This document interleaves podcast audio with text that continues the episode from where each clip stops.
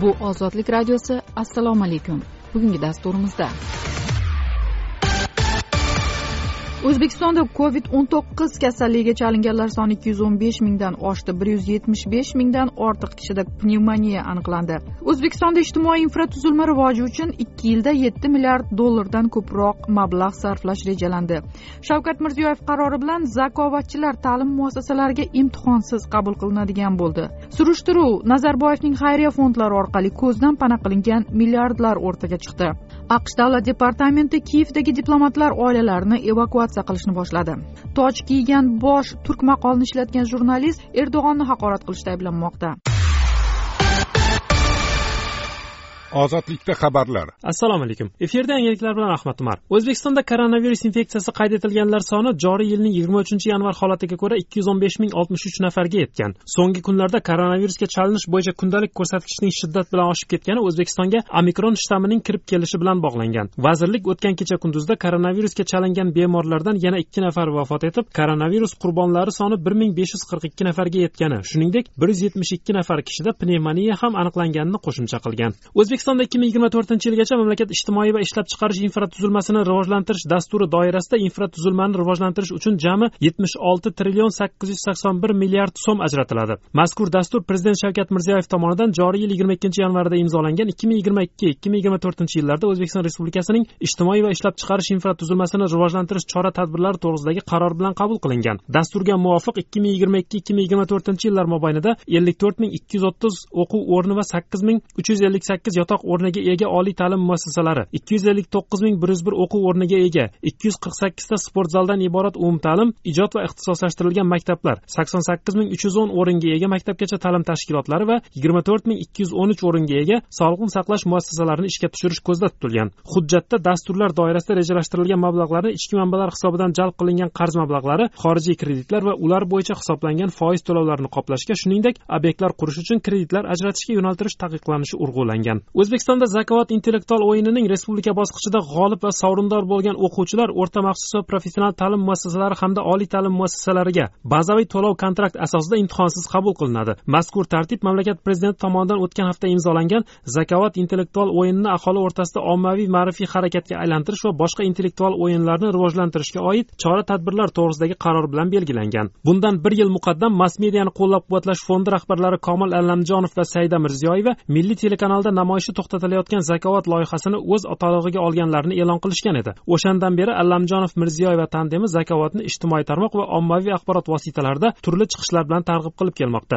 Ikki minginchi yillar boshlarida taniqli boshlovchi abdurasul abdullayev tomonidan tashkil qilingan mazkur o'yinga o'z vaqtida avvalgi prezidentning to'ng'ich qizi gulnora karimova ham homiylik qilgan. Aqsh davlat departamenti rossiya ukrainaga hujum qilishi ehtimoli tufayli qo'shma shtatlarning kiyevdagi elchixonasida ishlovchi xodimlar oilalariga mamlakatni tark etish haqida ko'rsatma berdi. Bu haqda reuters agentligi davlat departamenti bayonotiga tayangan holda xabar qildi. Yollanma xodimlarning bir qismiga mamlakatdan ixtiyoriy ravishda chiqib ketishga ruxsat etilgan. Shuningdek davlat departamenti ukraina hududida bo'lib turgan amerikaliklarga tijorat reyslari bilan mamlakatdan chiqib ketish haqida o'ylab ko'rishni va rossiyaga bormaslikni tavsiya qilgan. Davlat departamenti vakili rossiya ukraina hududiga istalgan lahzada bostirib kirishi mumkinligi va u holda vashington o'z fuqarolarini evakuatsiya qila olmasligini aytgan. Avvalroq germaniyaning bild nashri rasmiy berlin ham ukrainadagi diplomatlarni ko'chirib ketishni rejalayotganini ma'lum qilgan edi. Biroq rasmiylar bu ma'lumot ma'lumotni inkor etishmoqda. Rossiya o'tgan yilning kuzidan beri ukraina bilan chegarasi yaqinida katta harbiy kuch to'playotgani aytilyapti. So'nggi haftalarda g'arb mamlakatlari rossiyaning ushbu mamlakatga bostirib kirishi real xavfga aylangani haqida ochiq oydin gapirishmoqda.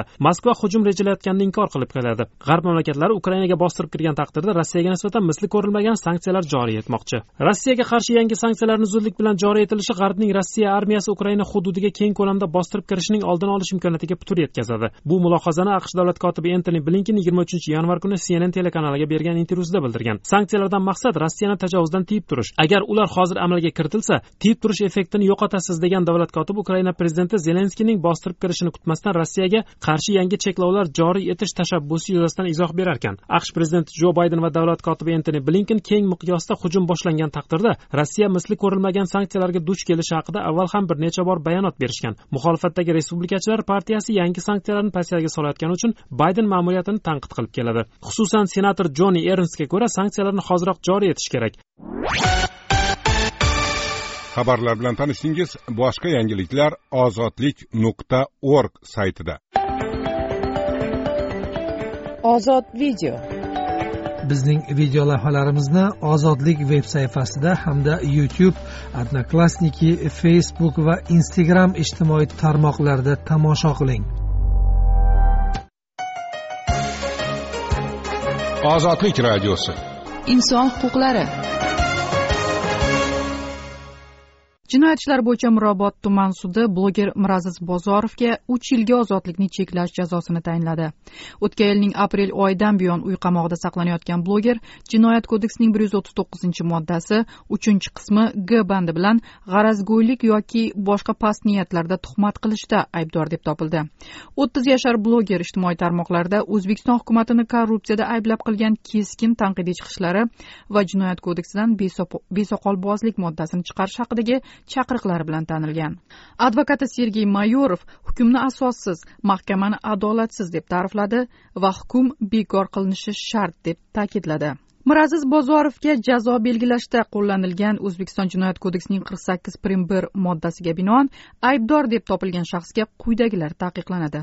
Muayyan joylarga bormaslik ommaviy va boshqa tadbirlar o'tkazishda ishtirok etmaslik muayyan faoliyat bilan shug'ullanmaslik muayyan buyumlarga ega bo'lmaslik yoki ularni o'zida saqlamaslik transport vositasini boshqarmaslik mahkumlarni nazorat qiluvchi organning roziligisiz yashash ish o'qish joyini o'zgartirmaslik tegishli ma'muriy hududdan tashqariga chiqmaslik muayyan shaxslar bilan aloqa o'rnatmaslik aloqa vositalari shu jumladan internetdan foydalanmaslik alkogolli ichimliklar iste'mol qilmaslik kerak.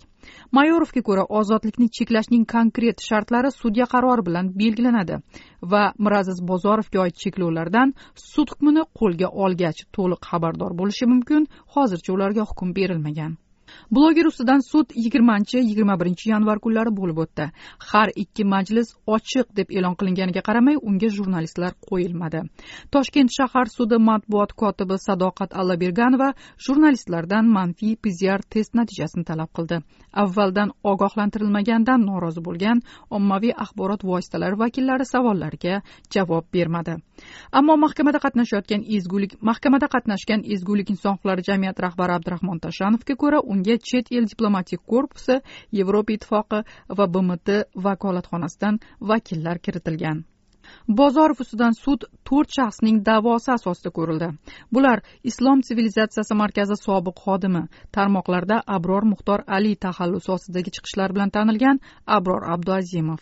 Ziddiyatli chiqishlari bilan tanilgan abror abduazimov. Youtube tarmog'idagi kanali bilan tanilgan shuhrat musayev.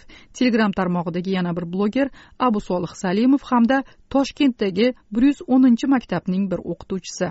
Ijtimoiy tarmoqlarda o'zbekiston hukumatini korrupsiyada ayblab keskin tanqid qilgan va lgbt huquqlarini himoya qilish xususan jinoyat kodeksidan besoqolbozlik moddasini chiqarib tashlashga chaqirgan o'ttiz yashar bloger miraziz bozorov ustidan tergov qariyb o'n oy davom etdi.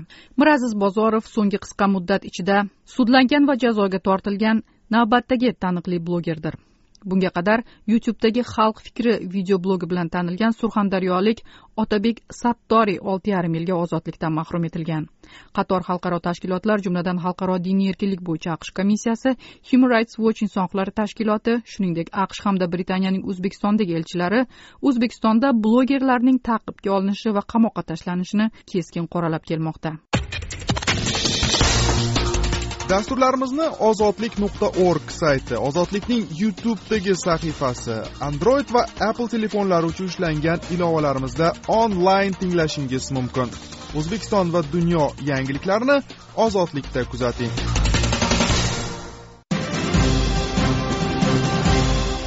Ozodlik radiosi xalqaro hayot. Rossiya ukraina tepasiga qo'g'ichoq prezident qo'yish rejasi borligini rad etdi rossiya tashqi ishlar vazirligi britaniyaning moskva ukrainaga rossiyaparast yetakchini qo'yishga intilayotgani haqidagi da'vosini rad etdi. Britaniya tashqi ishlar vazirligi yigirma ikkinchi yanvar kuni rossiya hukumati ukraina parlamentining sobiq deputati yevgeniy murayevni potensial nomzod sifatida ko'rib chiqayotgani haqida ma'lumotga egaligini aytib bu ukrainaga bostirib kirish rejasining bir qismi degan bayonot bilan chiqdi. Vazirlik mazkur da'voni tasdiqlovchi dalillar keltirmagan. Rossiya tashqi ishlar vazirligi yigirma uchinchi yanvar kuni britaniyaning bu da'volarni dezinformatsiya deb atab nato a'zolarining ukraina atrofida keskinlikni kuchaytirayotganiga yana bir misol o'laroq baholadi. Biz buyuk britaniya tashqi ishlar vazirligini provokatsiyani to'xtatishga chaqiramiz deyiladi rossiya tashqi ishlar vazirligi facebookdagi bayonotida. Bugun e'lon qilingan ma'lumotlar rossiyaning ukraina hukumatini ag'darishga qaratilgan harakatlari ko'lamini yoritib beradi va kremlning niyatini namoyon qiladi dedi buyuk britaniya tashqi ishlar vaziri liz tras razvedka ma'lumotlariga tayanib bergan bayonotida. Buyuk britaniya va hamkorlarimiz bot bot ta'kidlaganidek rossiya ukrainaga qarshi har qanday harbiy harakati katta tovon to'lashga olib keladigan strategik xato bo'ladi deya qo'shimcha qildi u. Buyuk britaniya bosh vaziri o'rinbosari dominik raab ham yigirma uchinchi yanvar kuni sky news telekanaliga bergan intervyusida rossiyaning ukrainani bosib olishga shuningdek qo'g'irchoq hukumat o'rnatishga bo'lgan harakatlari jiddiy oqibatlarga olib keladi deya ogohlantirdi. Britaniya bayonotida keltirilishicha rossiya razvedkasining ukraina sobiq prezidenti viktor yanukovich davrida xizmat qilgan ko'p sonli sobiq ukrainalik siyosatchilar bilan aloqasi bor. Kreml parast yanukovich 2014 yilda ommaviy noroziliklardan so'ng hokimiyatdan ag'darilgan va boshqaruvni g'arbga moyil hukumat qo'lga olgan edi. Rossiya razvedkasi bilan aloqa borligi aytilganlar orasida 2012-2014 yillarda bosh vazirning birinchi o'rinbosari 2014 yilda esa bosh vazir vazifasini bajaruvchi bo'lib ishlagan sergey arbuzov 2010-2012 yillarda bosh vazirning birinchi o'rinbosari va yanukovich apparati rahbari bo'lgan andrey kluyev milliy xavfsizlik va mudofaa kengashi rahbarining sobiq o'rinbosari vladimir sivkovich va 2010-2014 yillarda ukraina bosh vaziri bo'lgan nikolay azarov nomlari qayd etilgan. Aqsh milliy xavfsizlik kengashi matbuot kotibi emili hornning bayonotida aytilishicha amerika qo'shma shtatlari moskvaning ukrainaga rossiya parast prezident qo'yish niyatida ekani haqidagi da'vo da'voni chuqur tashvishli deb hisoblaydi. Bunday fitna jiddiy tashvish uyg'otadi. Ukraina xalqi o'z kelajagini o'zi belgilash huquqiga ega. Biz ukrainadagi demokratik yo'l bilan saylangan hamkorlarimiz bilan birgamiz dedi xorn. Rossiyaning ukraina chegaralari yaqinida yuz mingdan ortiq qo'shin to'plagani g'arbda ukrainaga qarshi navbatdagi harbiy bosqinga tayyorgarlik o'laroq baholanib jiddiy xavotirlantirib kelmoqda. Ukraina sharqida davom etayotgan urushda ayirmachilarni qo'llab kelayotgan rossiya ehtimoliy bosqin haqidagi da'volarni rad etgan. Ozodlik radiosi xalqaro hayot. Turkiyalik jurnalist erdo'g'onni haqorat qilganlik ayblovi bilan qamoqqa tashlandi. Mavzu tafsilotlari bilan men usmon nazar. Associated press hamda bbc taniqli turk jurnalisti prezident rajab toyib erdo'g'onni haqorat qilganlikda ayblanib sudgacha qamoqqa tashlanganini xabar qilmoqda. Bu haqida jurnalistning advokati ma'lum qilgan. Sedef kabas televideniye va ijtimoiy tarmoqlarda ho'kizga ishora qilgan maqolni keltirgani uchun hibsga olindi. U muxolifatga aloqador tele bir telekanalda jonli efirda chiqish qilib toch kiygan bosh dono bo'ladi degan juda mashhur maqol bor. Lekin biz bu haqiqat emasligini ko'rib turibmiz. Buqa saroyga kirishi bilan podshoh bo'lmaydi saroy omborga aylanadi degan keyinchalik u iqtibosini twitterga ham joylashtirdi. Erdo'g'onning matbuot kotibi faxriddin altun uning izohlarini mas'uliyatsizlik deb atadi. Jurnalist degan shaxs nafrat tarqatishdan boshqa maqsadi bo'lmagan telekanalda prezidentimizni ochiqdan ochiq haqorat qilmoqda deb yozgan u twitterda. Hukmron partiya rahbari o'rinbosari numan kurtulmush ham twitterdagi sahifasida millatimiz saylangan prezidentini xunuk va qo'pol so'zlar bilan haqorat qilish aslida milliy o'zlikni ham haqorat qilish deb izoh qoldirdi.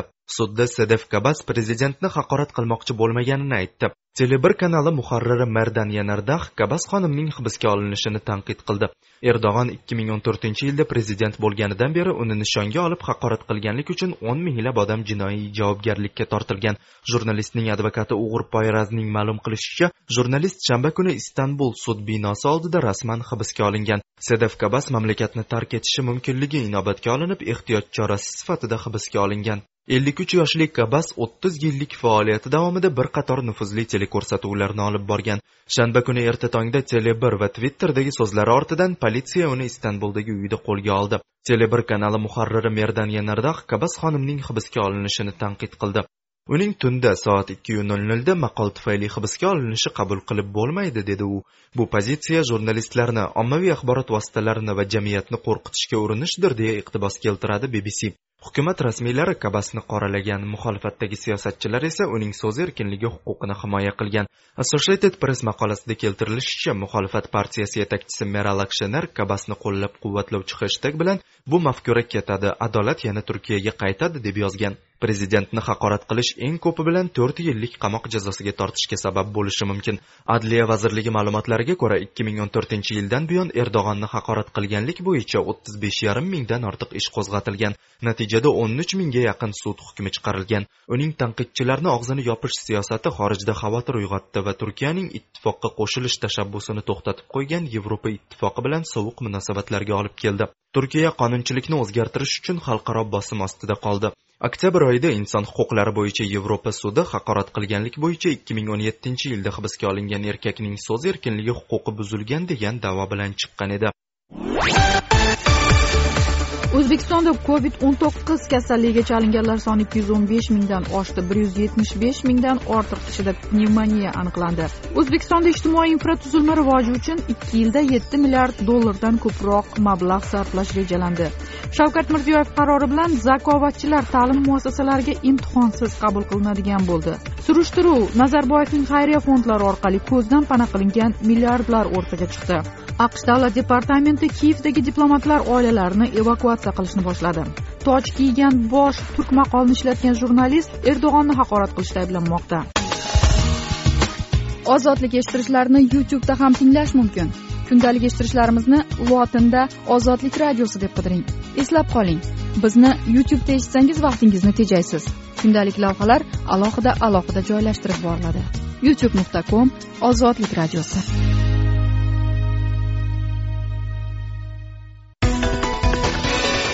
O'zbekiston siyosat. Samarqandlik jurnalist va jamoat faoli anastasiya pavlenko madaniy meros obyektlari milliy ro'yxatidagi davlat himoyasida bo'lgan mashhur o'zbek sovet rassomi pavel binkov yashagan uy hududidagi noqonuniy qurilishni to'xtatishga qaratilgan harakatlari uchun sudga tortilib jarimaga mahkum etildi tafsilotlar bilan barno anvar qurilishi noqonuniy deb topilib to'xtatilganidan norozi bo'lgan rassom uyining hozirgi mulkdori jurnalist ustidan sudga shikoyat arizasi kiritgan.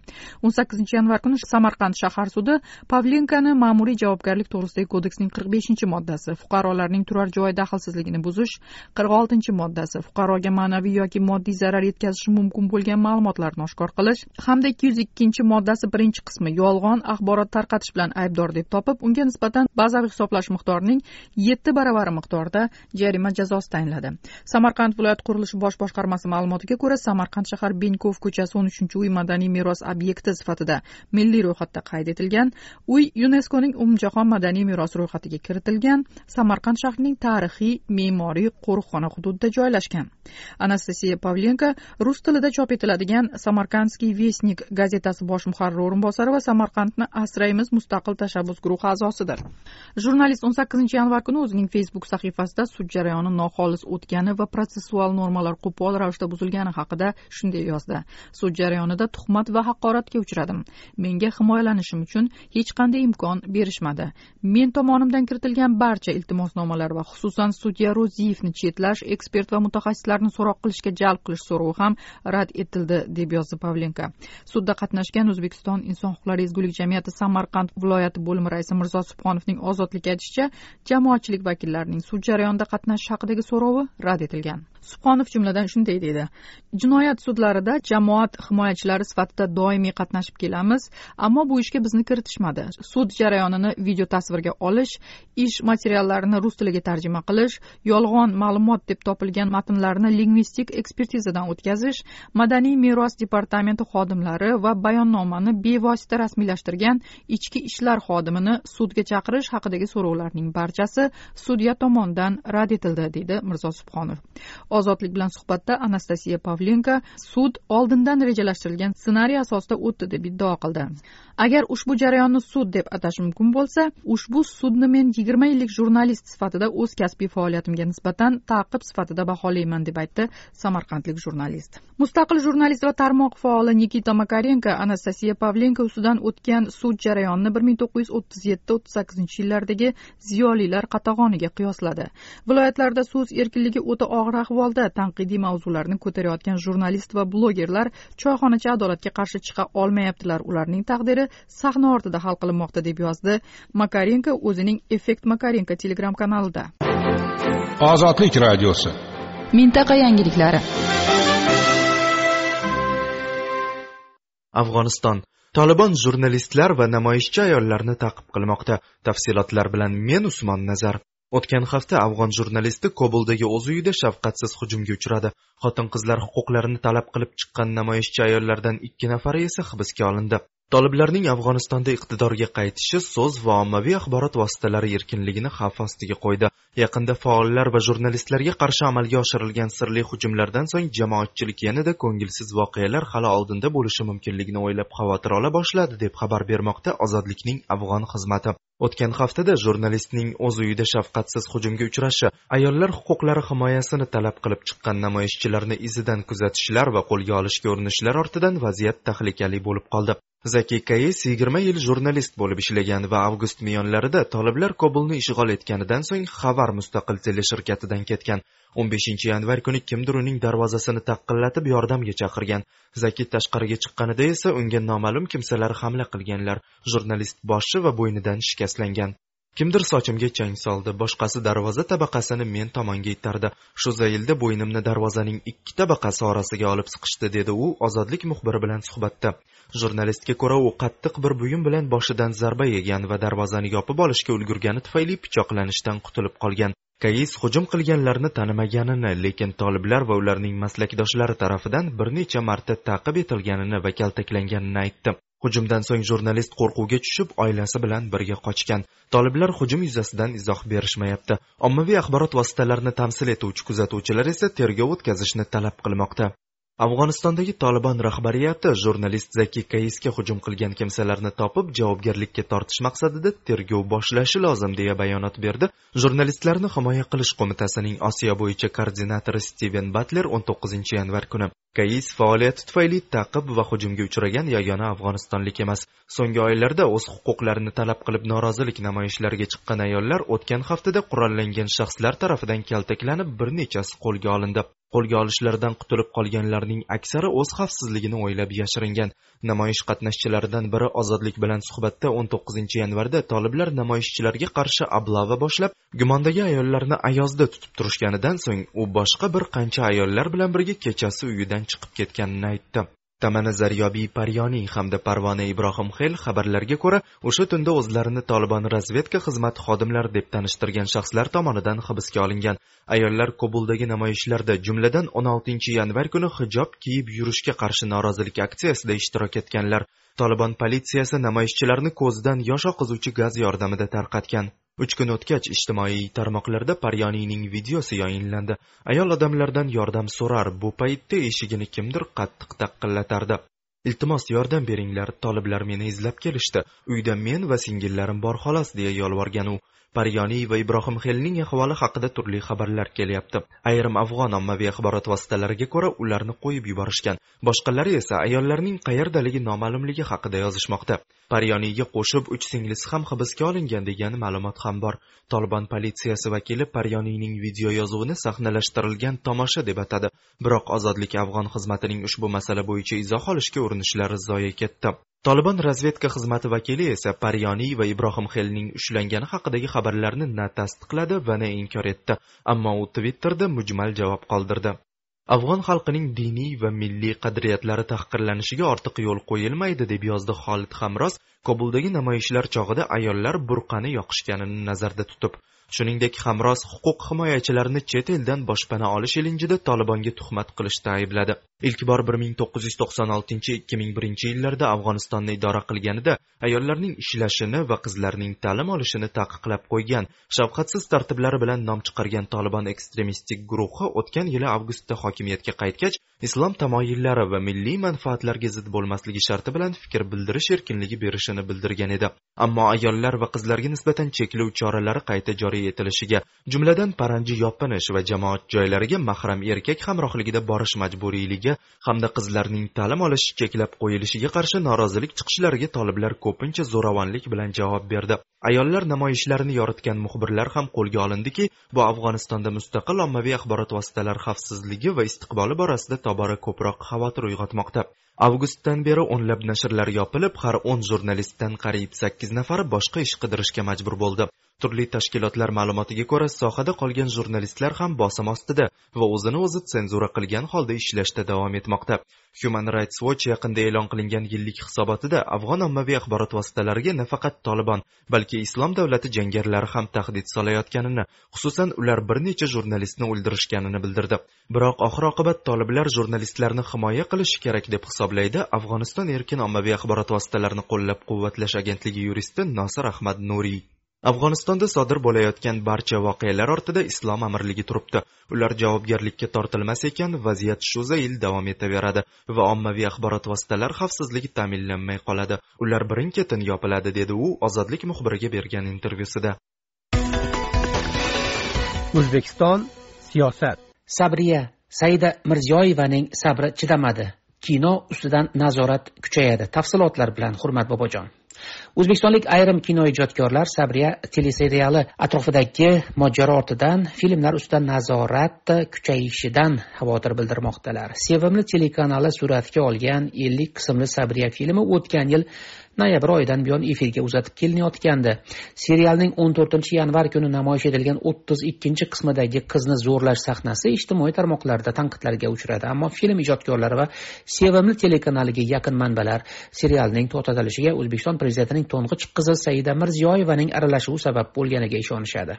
O'zbekistonda gender tengligi bo'yicha komissiya a'zosi bo'lgan saida mirziyoyeva o'n to'qqizinchi yanvar kuni o'zining ijtimoiy tarmoqlardagi sahifalarida hech qaysi filmda ayollarga nisbatan bunchalik nafrat ko'rmaganman deya yozgan edi.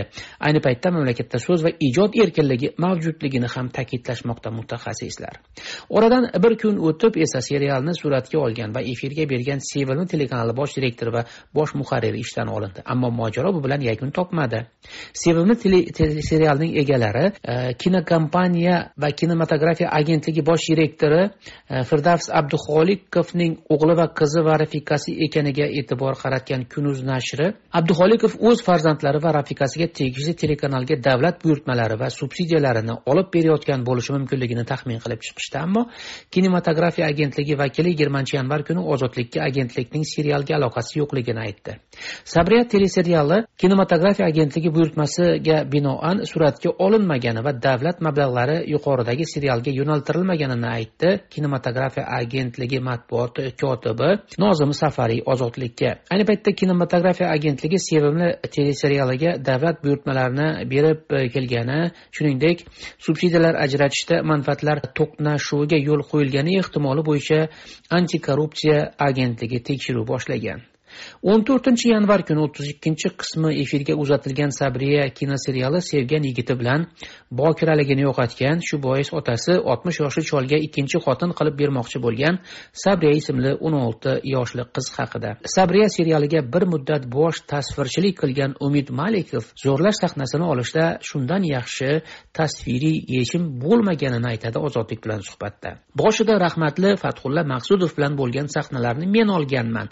Bu qismini sahnasini men olganim yo'q lekin chol yosh qizni iznasilovать ya'ni zo'rlagani sahnasini men olganman. Saida mirziyoyevaning aytganlari asossiz. Juda xunuk sahnalar yo'q filmda. Film rejissyori nasiba tursunovani o'zi juda aqlli qiz o'zbekona ayol juda andishali ayol. Odamlarning fikriga kelsak ularda tanlash huquqi bor. Pultni qo'lida yoqmasa ko'rmasligi mumkin deydi operator. O'zbekistonda aksar filmlarning kontentini o'zbekiston kinematografiya agentligi va telekanallardagi badiiy kengashlar nazorat qiladi. Kinematografiya agentligi matbuot xizmati rahbari nozim safarining ozodlikka aytishicha sabriya seriali badiiy kengashdan o'tmagan yagona film emas. Uning ozodlikka bildirishicha hozirda serial kontentini o'zgartirish yoki efirdan olish masalasi ham ko'rilmoqda.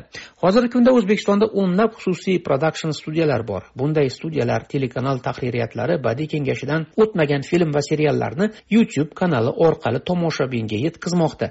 Ozodlik suhbatlashgan ayrim kinoijodkorlar sabriya seriali atrofidagi muhokamalar sabab kino ustidan nazoratni yanada kuchayishidan xavotir bildirishmoqda. Ozodlik to'lqinlarida siz o'zbekiston markaziy osiyo va dunyoda bo'layotgan voqealar rivojini biz bilan birga kuzatishda davom eting. Xayrli kun.